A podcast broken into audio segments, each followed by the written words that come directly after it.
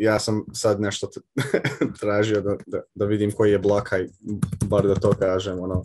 Mislim da smo na početku eh, to pričali. Sad me samo zanima. ali sam ono pogledao u našoj grupi 21, Telegram grupu i vidio neke teme o koje možemo da pričamo. Na primjer, ima ta neka kartica koja je spojena, mislim, eh, na LNURL, na, na Lightning kao mreži i kako ja to razumijem, to je kartica spojena na exchange i mislim da ti imaš neke, neki novac na exchange i sad ti kad plaćaš tom karticom, uh to je samo može preko Lightninga da se uredi na, na NFC, znači može samo da se dotakne ta kartica neko uh, hoće primiti primi taj, e, taj Bitcoin, mhm. onda oni mogu, ili koristi Lightning, onda može jednostavno da samo dotakne za novčanik ili za aplikaciju i to bi trebalo kao da prođe i onda nekako spojeno sa tvojim računom i mislim da tvoj Bitcoin balance kao smanji se. Um, ne znam je li mhm. Bitcoin ili cash, čini mi se da je Bitcoin.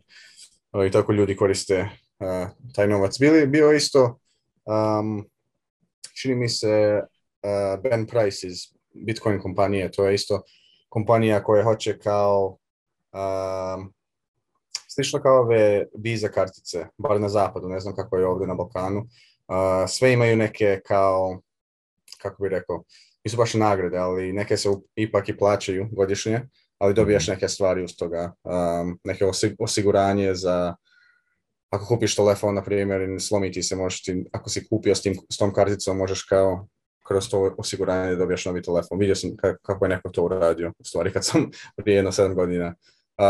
za, na primjer, uzmeš auto nedelju dana, tako isto. osiguranje je uključeno. Ponekad za putovanje dobijaš neke, možda neke letove manje da plaćaš, ali bukvalno si htjeli da, da, da da tu čitavu temu, ali samo da bude kao Bitcoin, da dobijaš kao Satoshi. znači non stop imaju neke kako bi rekao, akcije, da ti, ti možeš da uzmeš kao gift karticu za neki, nešto da kupuješ, a ono plaćaš 20% manje u dolarima, ali plaćaš u Bitcoinu.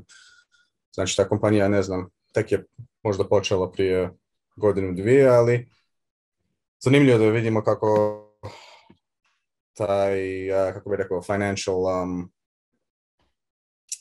aplikacije počinju da se proizvode, ljudi, ljudi prave interesantne, zanimljive aplikacije. Ja mislim taj Bolt Card, za tu, taj exchange koji se zove, čini mi se Coin Corner uh, u Engleskoj, oni su napravili tu LM karticu. Uh, to je njima koštalo sigurno neke pare da to urade, um, ali to je dobar marketing na kraju. Možda da preskočimo ne, neko drugo pitanje, ja sam vidio kao Jones je pričao nekim stvarima, uh, Jones Behari u, Telegram grupu. On je na engleskom, pa sam ja to čitao, ali sigurno neki drugi su isto pročitali. On se nekako uh, pričao kako trebaju, treba bolje kao marketing, da ljudi um, da uđu u Bitcoin da prave zanimljive aplikacije i sve takve stvari. Može, mislim, može bilo kakve stvari da se pravi za skutere preko Lightninga, Rentekar, Airbnb, može sve to da se napravi, ali niko to ili nema ljudi ili nisu još ono baš krenuli da prave takve stvari. Ja mislim da alat da to se sve pravi je tu, meni se čini. šta ti misliš o tome? Jel, Bitcoin treba kao neki marketing? Bar, ne baš čitav Bitcoin, ali bar taj dio da, da vučemo taj talenat. Uh, ah, pa, ja sam dosta podijeljen oko toga. E, jednostavan odgovor je da se zapravo ne slažem s time, da Bitcoin treba marketing. E, mislim da a priori mislim da marketing e, treba i one stvari koje su u samom, samom, samom začetku, za koje još nitko ne zna, ili koje nisu dovoljno dobre pa ih trebaš marketati. E, proizvodi i usluge koji su dovoljno dobri, kao što Bitcoin jeste, ne trebaju marketing. E, oni se sami šire kroz e, word of mouth i kroz... Znači, marketing je u stvari e, fiat stvar. A ne znam, je li fiat stvar? Mislim, ti si spominjao i kao financijske proizvode na Bitcoinu. puno financijskih proizvoda i jaseta i, klasa financijskih koje trenutno postoje su definitivno fiat stvar. ono, samo u svijetu u kojem je moguće proizvoditi fiat i dug i ostalo E, možemo govoriti o financijskim derivatima poput onih koje trenutno postoje i yieldovima različitim i proizvodnje novca.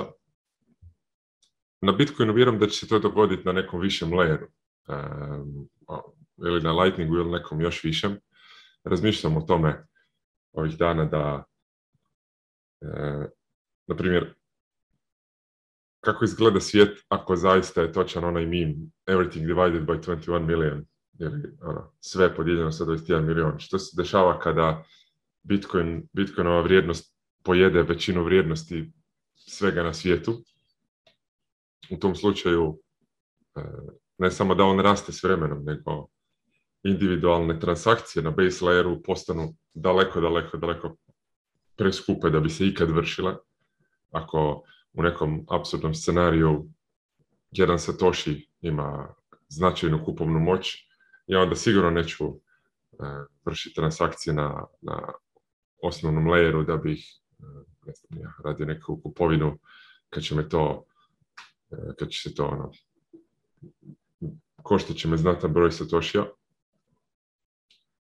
i samim time za tih 50 godina ili kad to već se dovodi mislim da ćemo imati toliko slojeva e, abstrakcije na Bitcoinu, da je sasvim i moguće da će doći do toga da operiramo na takvim financijskim sa takvim financijskim instrumentima jer ćemo ne zanimati Bitcoin pa ćemo na njemu imati Lightning ili Taproot i Taro i ko zna razne druge e, lending, borrowing platforme teoretski ćemo moći imati shitcoin na Bitcoinu i ostalo i postoji ta jedna velika razlika između Bitcoina i, zlata, jer kao, kažemo, ako smo na zlatnom standardu, ono što se desilo svijetu i zašto smo prešli na fiat standard i zato što je zlato postalo centralizirano. Bitcoin, ako budemo pažljivi, neće postati centraliziran, no opet će razni, e, možda ih nećemo tada zvati fiat derivati, nego ćemo ih zvati ne znam ja, visoki layer derivati, e, ne znam, layer 5 derivati koji će opet oponašati e, sve ostalo. Znam da već postoje e, različiti developmenti na Lightningu i na tim Lightning UI, UI, UI-evima gdje, na primjer, radi jed, ovaj, jednostavnosti korištenja neke, neke aplikacije koriste nešto što zovu MiliSats ili tisućiti dio satošija. Što je ovako zvuči nama simpatično i kao dobar, dobar development, ali MiliSats ne postoje. E, Bitcoin protokol ne poznaje MiliSats. Najmanja moguća jedinica je jedan Satoshi. Da, ja ne znam da li to može u, možda samo na neke Lightning uh, klijente to može, okay. Ovaj, clients, ali ja Znam sam pitao to pitanje prije i nekako mi je iznenadilo da nije baš tako lako da se uradi, ali može. E, ima proces. Ako, ako zatreba, mislim, radi se, mogu da. Radi se o tome da ako sutra imamo nekakav ono, best practices, ako sutra se, ne da. znam, milisac postanu nešto što jednostavno svi ono, upotrebljavaju i koriste, E, da bi radili te neke e, zaokruživanja na sitne dijelove Satoshija, to sve se dešava na nekom layeru koji nije Bitcoin, na, na višem mm. layeru. I samim time je svaki milisat koji postoji nije Bitcoin, to je dug, to je debt, e, to je ono derivat Bitcoina. Sad, milisatovi kao takvi nisu nikad problem, jer u konačnici najviše što možeš ti proizvesti tih mili Satošija je vjerojatno 999, ako ih proizvedeš tisuću, sad si opet u Satošijima, ali ko zna, možda će i to za 50 godina biti znatan, znatan faktor. Ja ću reći ono, da sa mojim aplikacijom i sa mojim, mojim high level protokolom, oko kojeg sad industrija ima konsenzus, da ja mogu izdavati dugove i opet raditi nekakvu varijantu fractional reserve bankinga na kraju krajeva i mjenjačnice e, to zasigurno rade i, i e, kada ja kupim Bitcoin na nekoj mjenjačnici, dok ga ja ne izvučem na svoj, na svoj custody, ja ne mogu znati postoji li taj Bitcoin ili ne. I ja sam, nemam dokaza za to, ali ja sam uvjeren da kada bi svi korisnici mjenjačnica bilo koje, Binance, Coinbase, Kraken ili ostalih, sada u ovom trenutku zatražili E, self-custody, da mjenjačnice jednostavno ne bi imale dovoljno sredstava da to e, ispoštuju i ispune, kao ni banke, ono što zovu bank run.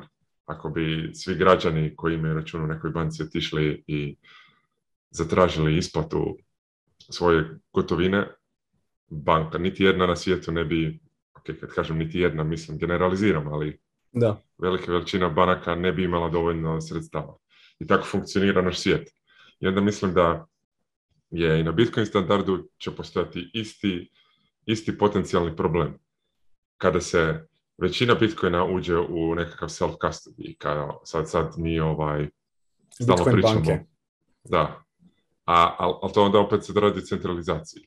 Čak i ako nije sav Bitcoin u, u, u rukama vlade ili centralnih banaka ili slično, nego ono, plebovi iz početka 21. stoljeća imaju nešto bitcoina u svojim, u svojim Sve je to super, e, ali ako samo svi držimo bitcoin, nikoga nikad ne troši, niko nikad e, ne, ono, samo čuvamo vrijednost u njemu, a svaku potrošnju, svaku trgovinu i razmjenu koju radimo, radimo na nekom visokom leru gdje se zapravo radi opet o derivatima i o dugovima. E, možda čisto pesimistično govoreći, i Bitcoinu kroz dugo vrijeme prijeti isti problem, da će se sva trgovina vršiti sa nekakvim derivatom Bitcoina na layeru 4, 5, 6, 2, 3, nije važno kojem, i to će se onda zvati, ne znam, ja, Bitcoin dolar, Bitcoin euro, kako god da to zovemo, milisat, šta god. I ako jednostavno u, u takvom tržišnom okruženju financijskom e, je dovoljno velik konsenzus među korisnicima da je to good enough ili da je to dovoljno dobro, onda ćemo se jednostavno vratiti na fractional reserve i na možda malo više decentralizirana, ali u konačnici, ne znam, ljudska priroda je, je uvijek neizmjenjiva. I da se vratimo na tvoje prvo pitanje, da li nam treba marketing? Ne znam, e, marketing je nekako konstantno... Možda ta reč je, je, je, kao negativna, kad, kad pa ali... ali... i ta kao, e, znači, kao stalno vrbovanje novih ljudi, ajde dođite u Bitcoin, dođite u Bitcoin, radite na Bitcoinu, gradite stvari na Bitcoinu, mislim na kraju krajeva malo je licemjerno da ja sad to kritiziram i mi to radimo e, kroz ove, kroz snimke i kroz ove podcaste i sve ostalo. E, treba, vjerujem, biti oprezan i da koliko god je moguće da svatko ko uđe u Bitcoin, a recimo e, kako se uvodi ljudi u Bitcoin, da bude od kritične važnosti kvaliteta edukacija, ne kvantiteta. E, često, često puta je spomenuto, Pavle to spominja pogotovo kako, ne znam, ima puno ljudi koji rade na Lightningu, programeri koji rade na Lightningu i rade u Strajku i ostalima. I super, oni su tamo došli, programiraju, rade aplikacije, ali ne znaju u konačnici šta je Bitcoin. E, ne razumiju Bitcoin, niti ih ne zanima posebno. Ja nisam siguran da je to dobra stvar. Ja smatram da Bitcoin je vrlo jedinstvena i dragocjena stvar koju imamo u ovom svijetu, a koja je ultimativno pod našom kontrolom, e, kolektivnom, za razliku od zlata s kojim ga uvijek uspoređujemo. Mi sad danas sjedimo prilično velikog samopouzdanja da se Bitcoin neće nikad promijeniti zato što mi koji imamo svoje nodove nećemo to dozvoliti. Ok, ali za 50 godina se možda jednostavno društveni konsenzus oko toga što je Bitcoin dovoljno promijeni i skrivi da kritična masa ljudi koji imaju svoje nodove se slože da je dobro da ih se promijeni, da, da, da je dobro da se promijeni e, ono, core protokol, nekakav hard fork, u smjeru kojem nije baš, koji nije baš ispravan. Tako da, eto, ma, malo glas možda i pesimizma i poziva na oprez. E,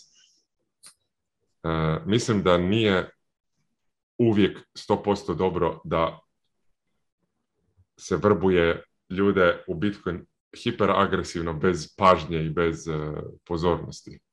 Eto, to je moj mali, mali rent oko tog marketinga i svega toga. Da, da, da, ne, dobro si rekao, mislim dobro je da imaš, da imamo tu perspektivu s druge strane, a da vidimo gdje da. može se pogrešiti. I ako pogledate kako ljudi pričaju tipično na Bitcoin Talk forum uh, i na sve te starije um, forume vidjet ćeš da oni su sve pričali o, o svim stvarima koje ljudi pričaju i danas. Um, samo danas je na veći nivo, ovaj, ili glasnije, što bi rekao. Da.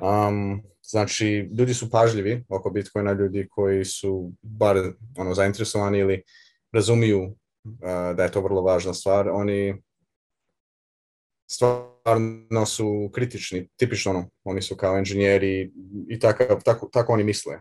Uh, vrlo detaljno, tehnički i gledaju kako može da se napadne sistemi i, i mreža i misle sve oko toga. Um, a što sam htio reći oko tih nivoa, ako oni nisu tehnički napravljeni kako treba, onda oni hoće da propadnu. Uh, ja mislim da to jeste dobra stvar u stvari. Um, ako, ako su napravljeni dobro, mislim i Lightning kad ti otvoriš sad kanal s nekim, trebaš da imaš što se zove uh, Watchtower i to je kao neki software koji je uvijek uključen. Uh, mislim da može i da su neki kao kontrakt da napravi s nekim da oni to rade, ne znam je to košta sad neke pare, to tošije, ne znam nija. Da. Ali on bukvalno gleda status tih kanala i ako tvoj node se isključi ili ako neko s druge strane proba kao, a, kako bi rekao, a, malicious, vidim, sa zlo namerom da, da zatvori kanale i da ti uzme pa-, pare, da nekako ako tvoj node se izgasi, on može da koristi tvoj da prikazuje neki novi status i ti nećeš to da tvoj status da azurira, zato ti je isključen. On može kao lažno da zatvori kanal i da uzme neke pare. Taj watchtower bukvalno gleda da se to ne desi. Ali, um, mislim, na nekom nivou, ako nije dobro napravljeno, da, to će da se propadne. Mora imati taj spoj do, do prvog nivoa i mora na kraju ta, kako bi rekao, ekonomija, transakcije koje se dešavaju na taj drugi i treći nivo, ja ne znam je li postoji četvrti, treći, mislim, tek sad ljudi počinju da misle kako to će da radi sa stvarima kao taro, to je nešto koje ove šnor um, potpise, signatures, omogućavaju na Lightningu, to je baš, ne šnor, nego Taproot, Mislim, to je, što je, je u Taprutu, ali mislim da ima još mhm. neke specifične stvari u njemu, nisam siguran sad. Um, I bukvalno mora da se pazi kako se taj sistem napravi. Mora biti neka, kako bi rekao, neki balans između tih slojeva i uvijek da, na primjer, ekonomska aktivnost na Lightningu na kraju to uvuče više Bitcoin u tom sistemu u, ovoj prilici i ljudi otvaraju i zatvaraju kanale, što pravi fijeve za minere, znači to je isto dobra stvar. A, znači oni non stop, to se non stop dešava ako više i više ljudi koriste Lightning. Znači to su sve dobre stvari, sad je pitanje ako može to da se zaglavi nekako tu i nekako lažno da to... Mislim da se Lightning ne mislim da to može, to je nekako peer to -peer. ima neke zanimljive kao probleme u Lightningu kad sad oko routinga, na primjer, i ideja ovih Lightning Service Providers i, svega toga, ali to je možda malo komplikovanije, ne znam da li neko drugo zna malo bolje oko, toga. Mislim, Pavle dosta dobro to razumije i Jones, mislim, bi isto to mogao malo da priča o tome.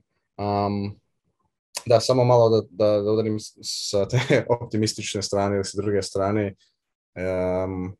Znači uvijek mora biti taj spoj i sistem mora biti napravljen sa dobrim pravilama i um, da ne može tako lako da se skemuješ ljude. I ako je otvoren kod i open source, onda to može da se jednostavno da se pročita ljudi da, da vide ako nešto je pogrešno, ako ima nešto lažno u tome. Mislim, uvijek će biti neke bagove, uh, ako više ljudi to gledaju, onda to će sve da se, uh, nadam se, popravi prije nego što uh, bude lošije. Uh, primjer BTC Pay server u stvari. Uh, htio uh, samo da pomenem ovo, znam da uh, za njih, ne znam, nedlju dana, prije nedlju dana izašlo kao vijesti da, ono da ljudi updateuju, uh, updateuju svoj software, um, da ga azuziraju, zato ima neki kao, um, kako bi rekao, ima neki bug, već, malo veći bug. Um, mhm i onda za šest mjeseci oni će da kažu kao koji je to problem bio. znači daju dosta vremena ljudi da to uh, u svoj taj software. Znači ipak kako godinama je taj software tu, dosta ljudi rade na tome, uvijek može nešto um, tu da bude. Ali mislim i Bitcoin je imao takve takvu istoriju, ako pogledaš, možda pročitaš, uh, bile su neke jedna, dvije, tri možda bagove, um, ali to se ono, nekako prošlo bez nekih velikih problema i pokazuje ti da, da treba više ljudi da to gledaju. Um, I mislim, sad smo, naravno, je najbolje, ima najviše ljudi koji to gledaju nego ikad, ali nekad se ne zna. Da, razumijem šta kažeš, mislim, razumijem šta misliš. da, da. Gleda samo par ljudi to isto nije dobro, e, pogotovo što se dešava ako svi ti ljudi odlaze. E, ti, ti OG ljudi koji su tu od početka ili blizu početka i imaju nekakve principe po kojem rade na, na core protokolu ili blizu core protokola.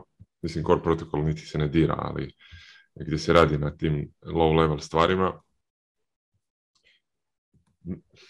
Ja bih čak rekao da je to više problem ono, sociološki, kulturoški nego inženjerski. Ja, ja sam siguran da će najbolji inženjeri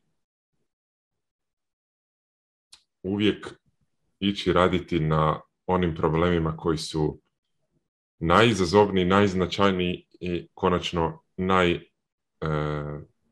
e, se plaćaju. E, i, I to je jednostavno neizbježno. Ako se pogleda bilo koja tehnološka kompanija. Vjerujem da su najbolji inženjeri radili u Google njegovih prvih deset godina. Vjerujem da je najbolji komunikacijski hardware inženjering odrađen u Apple u zadnjih 15 godina nakon pojava iphone e, Vjerujem da je najbolji inženjering e, što se tiče umjetne inteligencije i bat, no, ono, tehnologije baterija odrađen u Tesli u zadnjih deset godina. Jednostavno, inženjeri uvijek idu da bi odradili najbolji posao, ali nije dovoljan samo inženjerski pristup e, pitanjima koje se tiču nečih, nekih drugih stvari, na primjer ekonomije, kulture ili sociologije ili takvih stvari. Jer Bitcoin počiva na nekakvim principima koji su više od samo inženjerskih na kraju krajeva jako puno inženjera je trčalo raditi na Ethereumu, zato što Ethereum nudi e, de facto veće slobode u programiranju i, i, i mogućnostima aplikacija. I nisu svi inženjeri koji su išli raditi na Ethereum loši inženjeri ili prevaranti, nego jednostavno ljudi koji vole istraživati igrati se sa novim tehnologijama i i proizvoditi zanimljive stvari. Sad, da, i napravili su uh, rug technology. to je, to je, kraju. Što kažeš. Da, na kraju vrijeme pokaže je li nešto dobro ili nije. E, pa ali e, moj opet taj pesimizam počiva na tome da ukoliko smo previše neoprezni, previše se igramo sa Bitcoinom, e, možda kad dođe onaj trenutak da smo uočili da je da smo ga zeznuli, upropastili da više nema natrag. I onda smo nekakvu transformacijsku tehnologiju, kao što je e, Bitcoin Core protokol, učinili nečim, nekakvom abominacijom od onog što je zapravo zamišljeno. E, Arvin je pričao na, na podcastu s momcima zadnji put e, o internetu Mhm. I dobra paralela je taj core uh, stack protokola na kojima počiva ono što mi danas znamo kao internet. To što zovemo TCP IP protokol koji je uh, otvoreni, to su otvorena dva protokola koja su dostupna svima za bilo kakav networking i na tome je onda sagrađen internet. Veliko uzbuđenje je bilo oko toga u 90. godinama. E, svi ti cypherpunkovi su bili presretni jer napokon e, informacije kolaju bez problema, slobodne su i imamo taj osnovni layer protokola koje niko ne može zaustaviti, pogotovo u kombinaciji sa kriptografijom. I to je sve točno. Ali onda sredinom 2000-ih se pojavio Facebook i pojavili su se ono, Google je počeo rasti na nekakve puno veće stvari od, od samog searcha i danas, danas mi u konačnici imamo internet koji dalje počiva na base layeru, na TCP IP, na, na, na otvorenom protokolu, a opet kao što je Armin rekao, većina interneta, većina use case-a interneta je vrlo zatvorena, kontrolirana, centralizirana, e, cloud hosting e, servisa i servera, virtualizacija. To su jednostavno sad već ono, e, viši leri koji počivaju na TCP IP, ali za prosječnu osobu koja e, koristi, ne znam, prosječna osoba koja, ono što koristi od interneta je 99,9% Facebook, Instagram i ne znam, e, nešto, neka treća socijalna mreža, to je internet za njih, ali to nije internet, to je ono, e, closed garden, walled garden, kako je zvao, intranet neki, super, da, mislim, super, super intranet neki. Jednostavno stvari da je to zatvoreno i kontrolirano. Sad, to ne znači da da... Ne postoji neki drugi, nešto drugo iza njega. Ili... Da, TCP, IP i dalje sve počiva na tome. Ja ako želim, ja mogu e, napraviti e, aplikacije na internetu i servise koje ću sam hostati, koje ću sam deployati i mnogi to i rade, ali ali ono što se dogodilo ili što se događa internetu se može teoretski desiti Bitcoinu. Samo što Bitcoin, za razliku od interneta, ima još tu jednu dimenziju ekonomsku ili monetarnu. Da. I mi sad svi smo jako sretni jer e, Bitcoin ima number go up technology i on raste u vrijednosti u prosjeku i sve to super. Ali ako se njemu jednom desi takva korupcija ili zatvaranje kao što se dogodila internetu, na bilo koji način, možda će biti prekasno da se ono poravi, da se opet monetizira.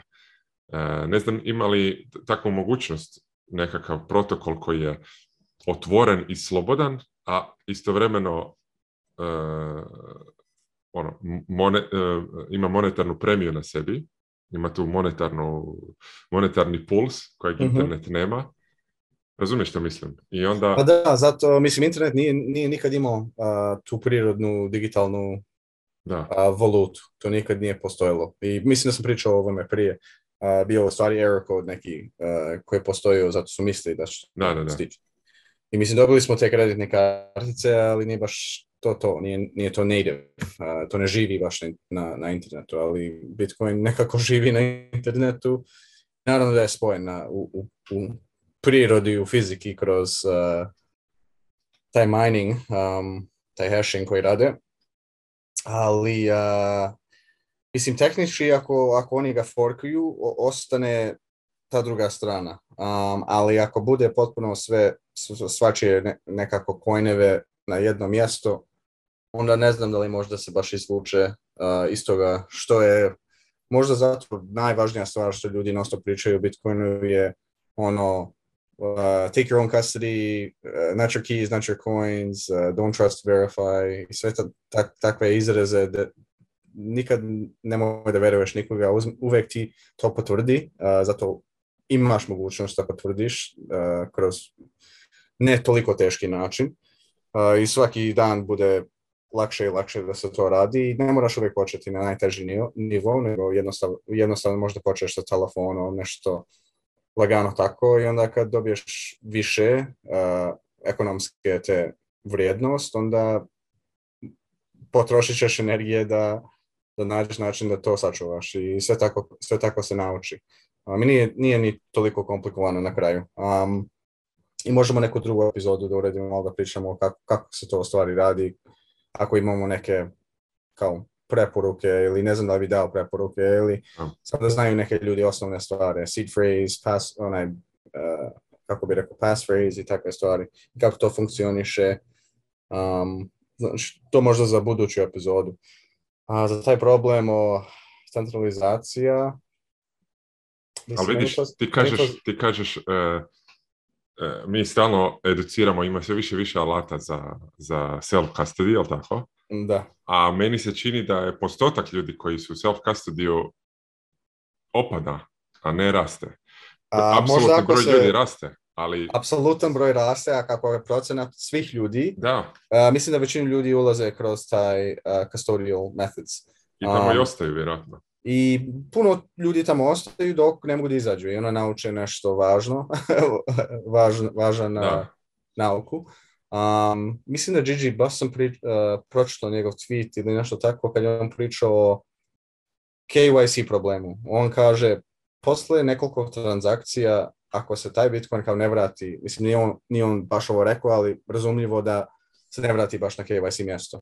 Um, Posle nekoliko, nekoliko transakcija vrlo je, mnogo je teže da se zna ko to drži, um, kad se koristi nekoliko puta.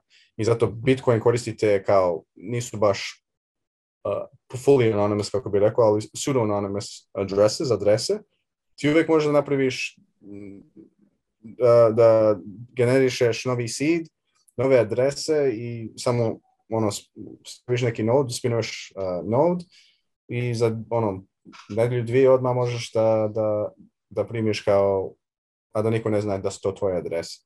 Um, I to je vrlo e, moćna stvar e, u stvari. Znači, ako ljudi ipak koriste taj Bitcoin van tog sistema, ne znam koliko će velik taj sistem da bude, um, onda može bar nekako da se ima neka opcija.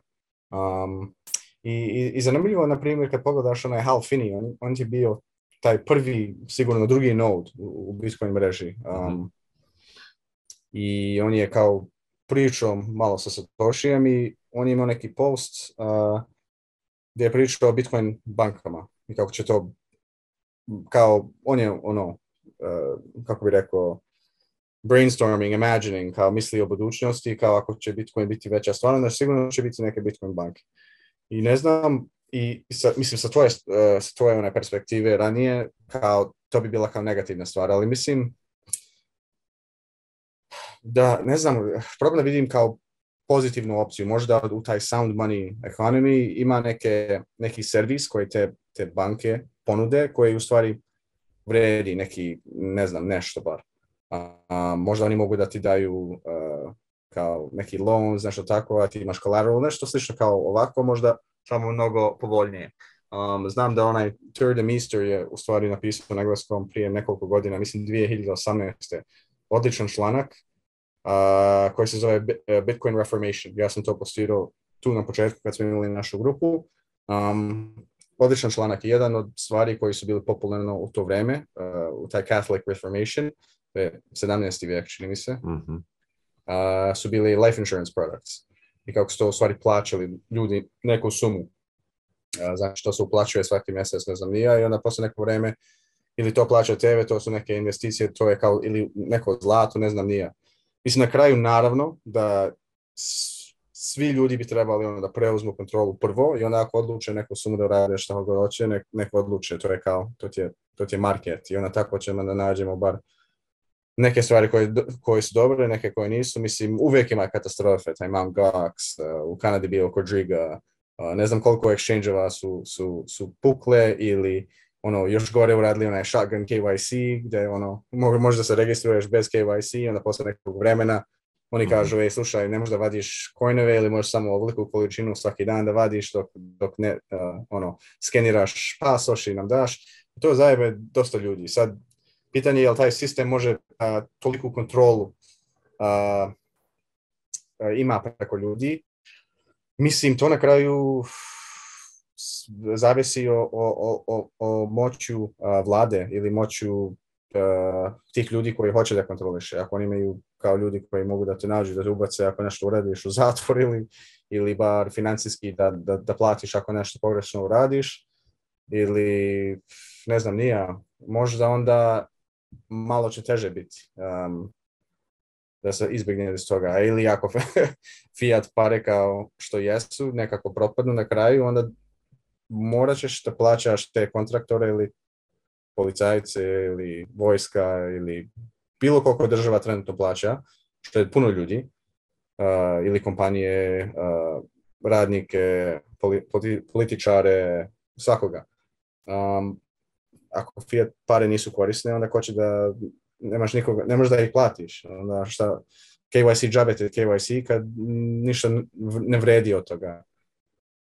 Um, i to su puno neke databases. Sad, pitanje je, mislim i chain analysis, to je kao, to su ti državni kontraktori, oni rade za vlade, bukvalno protiv uh, kriminalaca i takve stvari, oni prate taj blockchain i gledaju kod, kako se pomjera taj Bitcoin kroz te adrese i ono, mogu da daju neki procenat sigurnosti oko, ponekad mogu 100%, ponekad ne mogu, ali oni to koriste da, da uh, svoju moć da hvataju te kriminalce uh, i to već godinama rade. Um, mislim, čuo sam i neke priče, ne znam, gledao sam na youtube i na stari kriminalci koji pričaju ono, onim danima Silk Road. Uh, bili su baš i, američki one špijunske organizacije na tome. Ne znam da li je bilo baš oni ili FBI ili CIA ili ne znam ko ali oni su baš gledali na tome i, i, i, i tada. Um, ali bukvalno većinu ljudi ona koriste Bitcoin za obične stvari. Ono. Um, I htio sam da, da, da dođem do drugog pitanja, ne znam da li hoćeš malo da pričaš o, o, o Liquidu. Jones je ono pomenuo o, likvidu i, i meni je to baš zanimljivo, zato imaš neke pozitivne stvari o tome, ali možda ljudi ne razumiju ni šta je to, ni kako to radi. Um, možda samo da počnem. Liquidity je drugi, drugi sloj Bitcoina, vrlo slično kao Lightning, osim on ne radi u, kaj, u, taj peer-to-peer fashion, on radi, eh, on radi u, ima federacija eh, kompanija ili ljudi i oni sve eh, imaju kontrolu oko nekog multi-signature novčarnika ne znam koliko ima ljudi sad u toj federaciji, mislim 13, možda i više sad. Um, ima i obične ljudi koji su dio toga. Možeš ti da ranuješ kao taj liquid node, oni imaju malo drugačije uh, parameters, kako bi rekao, oko, oko njihovog sistema. Blok vreme je kao svakog minuta, imaš kao te privatne transakcije gdje čini se da ne znaš kome šalješ, uh, ne znam da li je i količina isto je e, skrivena. to je meni zanimljiva stvar, ali ako pogledaš njihov chain na, na mempool.space, uh, gdje možda vidiš Bitcoin, mempool i, i liquid mempool, uh, niko ga nikad ne koristi. ima možda jedna, dvije transakcije svaki 10 minuta. I sad ono John se žalio kao, to je kao problem marketing. Zato znam tamo u prošlosti, oni su ga uvijek marketovali Eh, traderima, uh, eh, ovaj, traderima, zato oni ako hoće da pomene Bitcoin sa jednog exchange na drugog na brži način, oni bi koristili Liquid. Um, zato tu nema eh, ni fijeve, ni, ni blok nije 10 minuta. Znači, mnogo se brže uh, desi i onda ti možeš neki trade da napraviš koji ne bi mogao u drugoj situaciji. Ali to nekako nije prihvatilo, ljudi ne koriste ga, zato možda neki i zato dosta ljudi ga ne koriste za privatnost, onda nema taj liquidity za, da se sakriješ između ljudi. Ali meni je nekako zanimljivi, zanimljivi trade-off. Znači, tu nemaš potpunu decentralizaciju, imaš tih 13 grupa i možda pogledaš ko su oni. I ako osmoro njih krenu da protiv drugi ostali broj ljudi, oni mogu kao možda da izvedu, iz, taj taj Bitcoin. Znači ti ubaciš Bitcoin, dobiješ taj liquid Bitcoin sa druge strane, imaju još neke asetove, liquid tether, uh, američki dolar, još neke, imaš u stvari, i, u stvari isto njihov, kako bi rekao, uh, mining notes, to ti je liquid issued uh, token za hash rates. Mislim, svaki token ti je 2000 uh, terahash, ter, uh, Znači, to, ima, to možda se kupuje. Ima neki registered investor kao spoj s time, možeš da kupuješ malu količinu sa nekih stranica, ne znam nije, ali to sve kao kroz KYC. Ali ipak možeš da, da imaš kao exposure na Bitcoin preko tog tokena da dobiješ uh, profit. Uh, ali ipak to je nekako ono, not your miners, not your hash rate. Ali mislim zanimljivo može ovakve stvari da se naprave u semi-decentralized uh, uh, way. Znači, ne znam je li to dobra stvar, loša stvar, ali to postoji. Sve ovisi u kontekstu, ako mene pitaš šta je dobro, šta je loše. Ono pa da, možda nije to dobro pitanje na kraju, ali da, možda to ne može da se kaže. Više is it good or bad? Eh, ne znam, samo it is, it is, it is what it is. Na kraju, eh, u kontekstu, da, tačno tako. Kontekst je važan. Mislim, tržište će pokazati, si to prije rekao, propasti će one stvari koje su dovoljno dobre, koje nisu. Postoji vjerojatno razlog zašto je Lightning drugi layer koji je puno uspješniji od Liquida, eh, ali Htio bih samo adresirati isto što si prije govorio kao, ne znam, shotgun KYC, zašto, ono, da KYC bi trebala vlada inforsati ili pod prijetnjom nasilja da se mora raditi KYC. Ali opet bi se vratio na onaj prim, ono, ono analogiju sa internetom. E, zašto skoro svi ljudi na svijetu koji imaju pristup internetu imaju Facebook account? Niko tu nikog nije silio. Nitko, niti jedna vlada nije stavila pištolj na glavu i rekla čovjeku da otvori Facebook account. Nego jednostavno je bio takav kulturološki, sociološki pritisak da je to mala cijena za napraviti, Znaš, ono, puno, vrlo lako je bilo, pogotovo u početku, napraviti Facebook account. I ako su onda sadržaji napravljeni na taj način unutar Facebooka, da hakiraju ljudsku psihologiju i da onda ljudi su voljni sve više i više engageati i koristiti takav servis da bi onda davali svoje podatke u zamjenu za još više takvog sadržaja i onda je to onaj Eh, flywheel ili mhm. eh, Feedback Loop gdje ljudi daju više, daju više svojih podataka Facebooku koji onda te podatke iskoristi da bi njima servirao eh, materijale koji su njima još zanimljiviji i onda bi da bi oni dali još više podataka i tako beskraj da bi postali ovisni o Facebooku. Ko kaže da se tako nešto ne može desiti sa Bitcoinom, kad imaš, ne znam, drugi, treći layer gdje imaš razne aplikacije koje nisu nužno samo monetarne. Šta ako imaš ono, kvalitetne video igre koje ti e, omogućuju da, da založiš svoj Bitcoin i zaradiš Satoshi ako si dobar u video igrama. Celsius kao e, Celsius. da, ali ono, kao Celsius, Ima, ima igrice gdje možeš da zaradiš u stvari. Ja, znam, Bitcoin. ali šta kad to sutra bude Call of Duty e, koji ima ono stotine miliona ili koliko već ljudi koji ga igraju i možeš zaraditi nešto Satoshi ako pobjediš, ali ako izgubiš, znaš ono, E, neku foru gdje naprave, da li su to pa sad ima nešto slično tako, samo nisu Satoshi, ali imaju neku metodu gdje platiš i onda što više igraš, kao manje moraš platiti za sljedeći kao e, taj release package. Znači nekako da ima, ima sistem gdje možda te uvuče. Satoshi ili ne. I onda ćeš ti biti voljan ti KYC zato što želiš sudjelovati u toj igri. E, i, I to je, to je stvar. nije stvar svi će, sve će nas prisiliti na KYC. I na kraju krajeva možda ja mogu ostati otporan i reći jebeš sve to, ja ću držati svoj, svoj Bitcoin na svom cold cardu i, i ne zanima me ništa, idem na svoju farmu i ne zanimaju me vaše gluposti, ali u konačnici ako 99% korisnika Bitcoina ga koristi na takav način gdje su svi KYC out of their minds i, i svi su eh, ono koriste nekakve derivate Bitcoina koji su zapravo samo krediti na posudbu, onda ti prijeti opet tim problemom i kada se i kada mreža postane toliko korumpirana i centralizirana, ja mislim da nema natrag e, za razliku od interneta, jer e,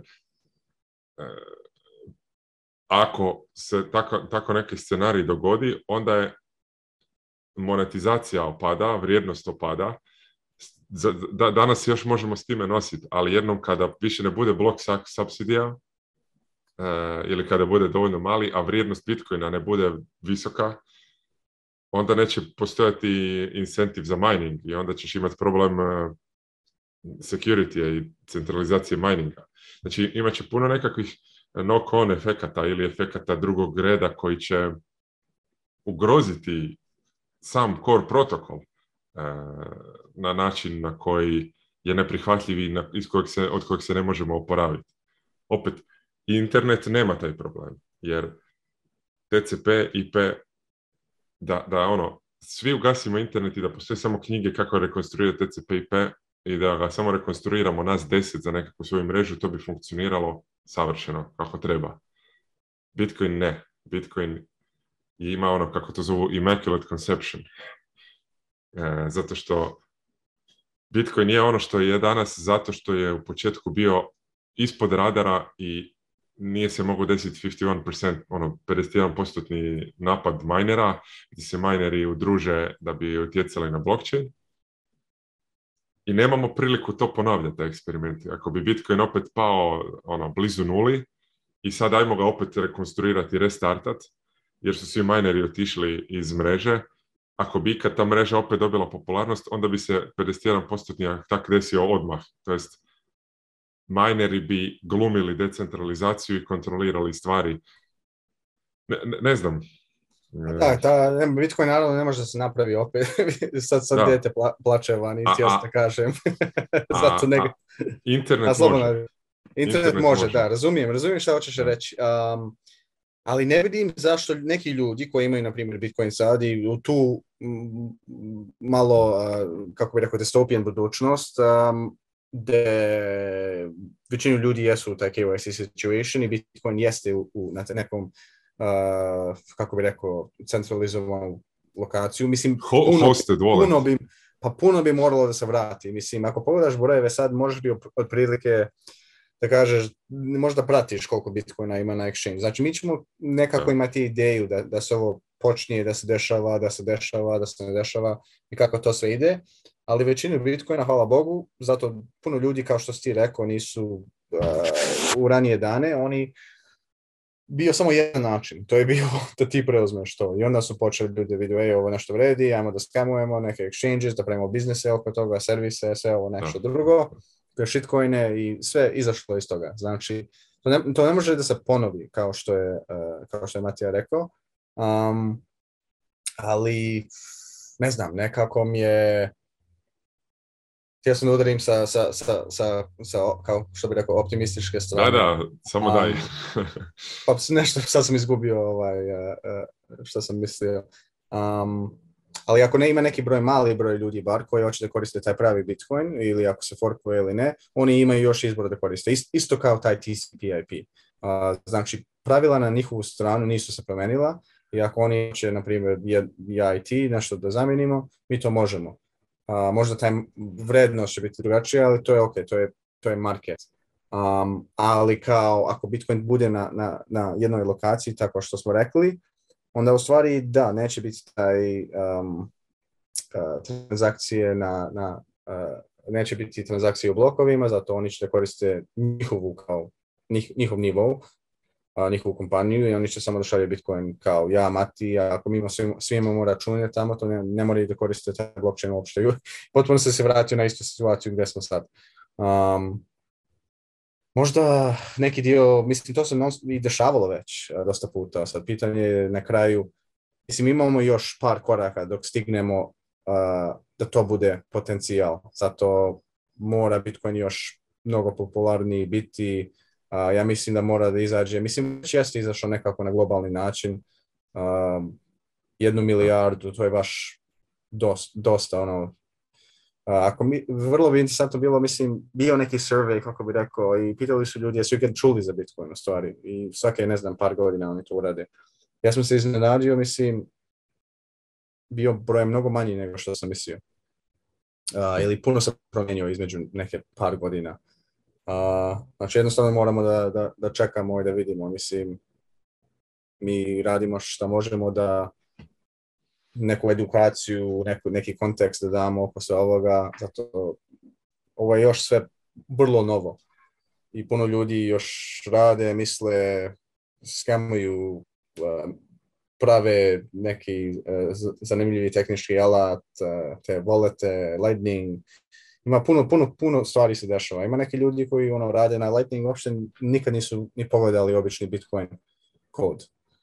Znači, to je već prevelika stvar, ne može jedan čovjek, nema, nema puno ljudi koji baš znaju puno oko toga i ne mislim da će ih biti mnogo, mnogo više. Um, ali... Vjerojatno si upravo, ja se, ja se slažem da treba edukaciju, nema me krivo shvati da mislim trebamo prestati One, ljude E, samo mislim da to je više za dušu, to nije, to je meni više za dušu, zato kako znam da je to dobra stvar i znam da nekako trebam da, da, pričam šta ja mislim da je bar istina oko toga, ono, bilo, bilo bi nekako sramota ili ne bi bila e, prava odluka da bar probam nekako da objasnim ljudima šta ja mislim o tome, što je to zanimljivo. Zato ipak za njih dvije, tri godine, možda manje sad slušam podcaste i čitam članke sve to, ali prije toga sam ono, svaki dan, svaki drugi dan nešto čitao, slušao i dosta ti uđe u glavu, ali ima, ima mnogo, mnogo više. Um, dobro, uvijek, uvek učimo, uvijek ima stvari da se proba. Bukvalno sa Bitcoinom imaš ono fizične volete i takve stvari i onda može i, i ono, sa druge strane isto da se čita ekonomske stvari i tako to. Točno, točno. nisam rekao koji je blok, sad je ono 7, 745.508, znači malo kasnije. Mislim Još. da imamo koliko, koliko blokova do, do sljedećeg halvinga. Mislim da je znači, manje nego 100.000 sad. 840.000 je sljedeći halving. To je, mislim da se procjenjuje na sredinu znači. četvrtog mjeseca 2024. Znači, Having ti je svaki četiri godine u Bitcoin kodu je napravljeno, on izbroji broj blokova i kad četiri godine blokova, mislim, prilike oni trebaju 10, 840, 210 tisuća blokova je da. Znači manje nego 100.000 sad. Da, da, da. ja se sjećam ono kad se desio, bio having, koliko dugo, uh, kad pogledaš vrijeme do sljedećeg havinga, meni se čini da je to toliko dugo vrijeme. Hmm. Na sad mi se već približavamo, ono imamo, ne znam, nekoliko vremena, ali ja sam prošli. Imamo 21 mjesec, otprilike. Bar polovine su prošli. Prošli smo i više. I više, da. E, prije tri mjeseca je bila polovina, otprilike. Da, i tako Bitcoin samo dodaje blokove. I mislim i na kraju, ako minere nemaju te transakcije, dobro, izgasi miner, čao. Vidimo se kasnije. Ne znam koliko mali taj broj biti, mora biti sada da napad postane nekako moguć, ali znam da mi smo prošli to vrijeme Da, davno. Um, mislim, neke ljudi sad misle ako neke te minere se budu na jednu lokaciju, može biti neke probleme, ali nekako taj sistem je napravljen baš resilient. Um, ne znam koja je za to, ali da vidim. Otporna. Da, da, otporna. Um, i ona može, i, ipak ako se takve stvari dešavaju, to je meni dobra stvar, zato ćemo baš vidjeti da li taj sistem je koliko moćan. Mislim, e, teoretski ljudi su mislili puno baš o tome i, jeste i treba puno resurse i para i tih basic minera da ti probaš da napadneš e, tu mrežu i koštati sve vrijeme što ti to probavaš. Um, da, ime ako ima fork, onda imaš izbor. Ako hoćeš jedan taj Fed coin da koristiš ili hoćeš taj stari Bitcoin i na kraju ćeš imati izbor. Što je, što je zanimljiva, zanimljiva stvar. Znači uvijek ima taj spoj do, do početka. Ipak ako neko proba da napadne. Je, je. Mislim, sve, sve to stoji. Sve to stoji. E, ono, moj primarni argument nije da, da sistem kao takav je e, problematičan. mm Za sad se pokazalo da je protokol i inženjering jako dobar i, čini se ono, bulletproof, ali problemi koje ja vidim mogući su kulturološki i sociološki. Jer e, ako ja imam svoj nod i uvijek ću imati svoj nod za ono što je pravi Bitcoin, a u konačnici su se svi mineri prebacili na osiguravanje KYC Bitcoina od binance koji je forkan prije ono, nakon ne znam ja, sedam halvinga da bi se moglo raditi više na njemu koji god bile razlozi. E, ja mogu imati svoje ono puritansko nastojanje i svoj steš originalnog Bitcoina i sve to lijepo, ali u konačnici neodvojiv dio Bitcoina je njegova monetarna premija i njegova vrijednost. E, ljudi, mnogi ljudi kažu da ono, Bitcoin nije samo novac, i to je istina, ali Bitcoin ima neku vrijednost i ta te, blockchain tehnologija ima neku vrijednost zato što nosi monetarnu premiju na sebi. I ako bi se sutra dogodilo da samo mali broj hardcore node runnera i dalje su na starom Bitcoinu uz, uz, mali broj lokalnih minera. Mislim, to je onako fora hobi projekta, ali u konačnici to nije ono što je trebalo biti. Razumiješ, ako je nekakav hard fork preuzet od strane nekakvog sutrašnjeg Facebooka ili Binance ili čega god. Razumiješ, ono, nije, nije stvar mhm.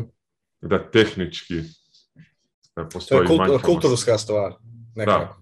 Da. I šta bi se desilo da svi napuste Bitcoina, samo ti i ja imamo još nod. Mislim, super. On još uvijek radi, to... proizvode nove blokove. Ali vrednost mreže je, je, je na nas dvoje i to neće biti tolika e, mreža. To, e, to, to, je, to je nekako moj argument i moj nazovimo strah. E, što ako nakon nekog vremena jednostavno se ta čistoća Bitcoina koju danas još uvijek držimo a koja je opet e, razblažena u odnosu na prije deset godina. Za sljedećih 10, za sljedećih 20 godina kroz konstantnu edukaciju, izgradnju, e, masovnu, masovnu prihvaćenost Bitcoina, postoje te društvene sociološke opasnosti da jednostavno svijet ode, kao što opet ta analogija interneta, ode prema centraliziranom Facebooku, i ja kažem, nema veze, ja i dalje imam svoj TCP, IP e, server, to je sve otvoreno i ja ću sutra reći da ja imam svoj BTC LN protokol na, mm kojim, na ja i Braž imamo svoju mrežu i ljudi će reći o bravo, svaka vam čast, ali to nema nikakvu monetarnu premiju, ono, fin projekt, ali svijet je otišao negdje drugdje. Znači, ta, znači premija, ta premija dolazi iz e, iz mreže, iz veličine iz mreže, Iz, iz, istine, iz istine. I mi ja mislim, mislim bar mi mislimo da ta istina ima, ima vrednost. Zato ima puno sistema koji su lažni ili mogu lakše da propadnu, kako bi rekao, ne znam. ali da, jeste, da, ima... Obično ljudi ne misle o ovakvim stvarima, to je zato ja, mislim, moj princip kao osnovni je iako sam, iako kupujem ili kupio sam ili ako neko planira da kupuje sa exchange, ako im to lako, naravno ako ima neki način da oni koriste BISC ili RoboSats, to su to dvije aplikacije da se kupuje Bitcoin bez uh, predavanja svojeg ono, lične informacije. Da. Um, to ako ne možeš ili kroz nekoga da kupiš ili ti njima da prodaš, mislim ja uvijek to kažem, to je najbolja stvar za to. Onda niko nema, nema, taj spoj informacije s tobom i sa tom adresom. Uh, I još gore ponekad može da bude čitav, kako bi rekao, sve adrese potencijalne, potencijalne adrese, ako, to, to ti je expo ali to exchange neće imati. Um, to tvoj wallet će možda da ima, sad pitanje je da li oni mogu da spoju tu informaciju, ne znam. Um, ne mislim da će moći tako lako. Sve to probabilistički. Da, i, tačno tako. Sa svakim um, ali to je teže. Uvijek i preporučujem ono tako, i nije uvijek lako ljudima tako. Sigurno je najlakše da ti njima tu prodaš malu, malu sumu i to je to. Ako hoće više, onda oni će da potraže.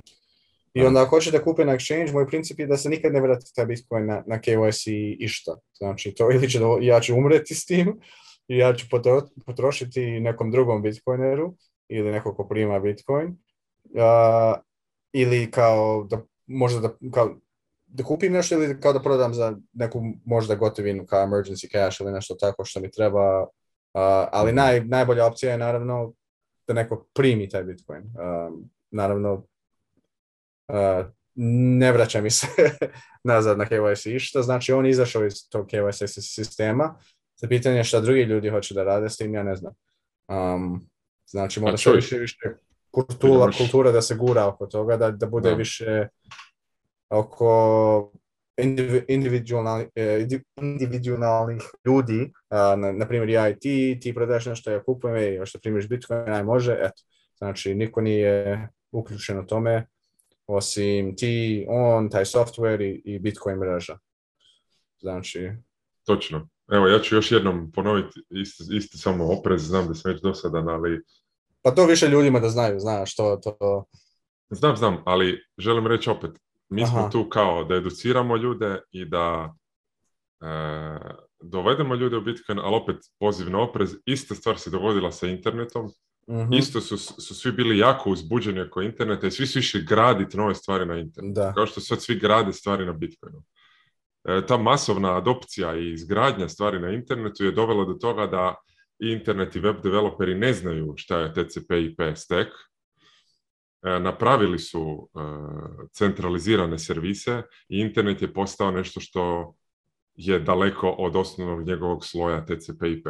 Zato što je edukacija bila mislim, bila je kako je bila, ne mogu kritizirati ljude koji su evangelizirali internet u početku. Ja sam siguran da su prvi korisnici interneta bili slični kao prvi korisnici Bitcoina, dakle inženjeri, tehnički potkovani, e, znali su e, koji su principi interneta, sloboda, razmjena informacija, peer-to-peer i sve ostalo, a opet došla sljedeća generacija i napravila od interneta nešto drugo. Moj poziv na oprez je opet kako mi možemo kvalitetnije educirati ljude i ne ponoviti istu priču sa internetom. Kako možemo spriječiti da se ne desi Bitcoinu ista stvar, jer on je opet tehnički super, full proof, kao i TCP IP. E e, super protokol koji funkcionira, zauvijek će funkcionirati, kao i BTC LN. Oni će vjerojatno zauvijek funkcionirati. Za tisuću godina ako nitko ne koristi to, ali nije važno, jedan čovjek to majna na svom laptopu i dalje ćeš imati bit, blockchain, timechain. To, to je ono na što ja pozivam, na taj oprez. E, ali da, mislim, ti, ti kažeš to, ja bih samo htio reći da ja kao i, što je nedavno rekao jedan e, puno kvalitetniji mislioc u Bitcoinu nego ja, Giacomo Zuko, e, ja to ovako više govorim radi, radi kurioziteta... To je upozorenje za, za budućnost, to mora da se gleda. To... Ali ja osobno ne brinem jer ja nisam nikad ni kupio Bitcoin, niti prodao, ja ne posjedam. to, ja više ovako akademski pričam o tome. Da, da. E, I ono, imam to, to, to zanimanje, tako da e, ljudi, e, ono, ne, ne bih htio da netko misli da, da, da sam ja osobno involviran u sve to. Da. to rekao baš. Da, da, nedavno je bio da, da, da, sa Ovaj, mislim, ne se sjećam toga. On je baš Rekao je, da, da, rekao je da kao on jednostavno je Uh, ono, zanima ga ta tehnologija, ali on osobno ne sudjeluje u, toj, u tome, nije, nije nikad kupio nijedan coin. Pa tako ni ja, čisto da svi znaju da ja nemam niti hosted, niti unhosted wallet. Ja, pa, ne znam, ja ne znam ni šta je to, ja sam da. ispao iz broda par puta isto. Pa da, tako. Da, ali ipak ima dobre stvari e, na ovom e, ipak centralizovanom internetu. Ima, ima Bitcoin Twitter, ima, možemo sad ja i ti preko Zuma, nismo mogli preko jitsi zato kompjuter ima decentralization probleme trenutno. Pa da, da, da, naravno. ali da, upravo si, mislim da ljudi treba to da paze. Ja mislim da je vrlo dobra stvar što mogu da pogledaju je dokumentar onaj koji je Lux e, stavio u grupi. Um, to je YouTube kanal uh, Reason, Reason TV uh, oko te uh, cypherpunk um, u 90. Ima tu puno konteksta istorije o čemu sad Matija priča i, kako su oni mislili tada. I oni su gledali internet kao uh, neki alat oslobađanja koji će stvari da oslobodi ljude o vlade i o moći vlade. Uopšte potpuno da ih da napravi drugi put, da oni uopšte ne, ne budu potrebni. Ali ako vidimo sada, mislim imamo sad ogromne te tehnič, e, tech kompanije, Facebook, Google, Microsoft, Apple uh, i oni rade sa državama. Amazon, nemoj zaboraviti. Da, Amazon, e, Netflix, ne znam da bi njih baš stavio, nekako glupo njih da stavim na, na, tu listu, ali dobro, Amazon ipak jesu velike clouda. Eh, pa da. Amazon cloud je jedan eh, najvećih, ako ne najveći. Da, tačno tako. I države aktivno rade s njima. Um, I oni imaju kontrolu i, i, i resurse veće nego većinu države na svijetu. Znači, oni su u stvari kao nekako kao države eh, isto. I sad to je zanimljiva stvar. Sad ne znam kuda to sve vodi. Um, mislim, uvijek ima potencijal da koristimo taj alat kako treba. Mhm. Izgleda da neke te regulacije, zakone, ne znam, nija, KYC regulacije prave to sve nekako teže i teže, ali isto vrijeme ljudi koji rade na tim stvarima, na, na, na taj open source prave non stop isto neki aplikacije i isto taj tehnički alat koji može da se koristi protiv toga. Znači sad ima više sigurno open source Uh, kako bi rekao, operating systems sa kompjutere nego što je ikad bilo, pogotovo na Linuxu, ima ne znam, milion. Ti možeš, sad ima više software da radiš obične stvari što bi radio na kompjuteru, ono, bilo šta, word processing, uh, ono, bilo kakve e, spe, specijalizovane poslove, ima sad open source alat koji su ljudi ono, preko vremena radili na tome većinu puta je bez plate, ali zbog volje i ako dobro naprave, onda to jednostavno ostane.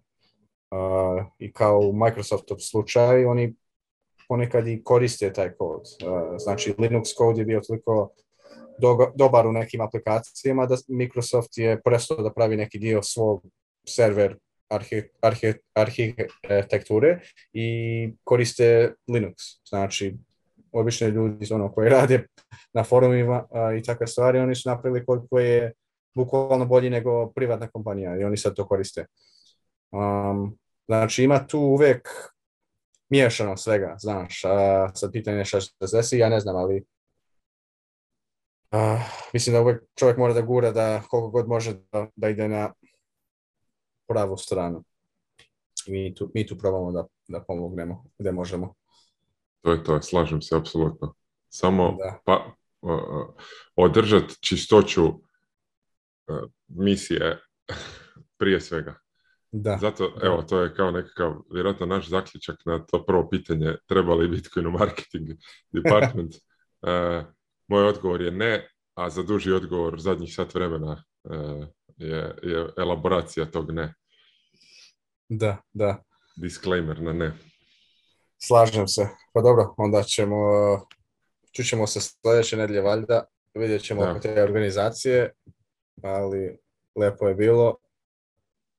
Da, I malo vidimo se ovaj- sljedeći put. Ovo je malo, malo skoro kao format nekakve poludebate gdje ja guram pesimizam, ti optimizam. Pa takav, ja, takav sam ja, ja uvijek gledam sa, sa druge strane, ja bih tražim da. dupe. super, super. Znači, što je, to je dobra stvar na kraju, da može ljudi da vide obe dvije perspektive i onda razumiju bukvalno opcije ili kako to radi. Da. Dobro, Braž, bilo mi je drago, kao i uvijek. Vidimo se uskoro. I meni. Pozdrav svima. Pozdrav, pozdrav i čujemo se.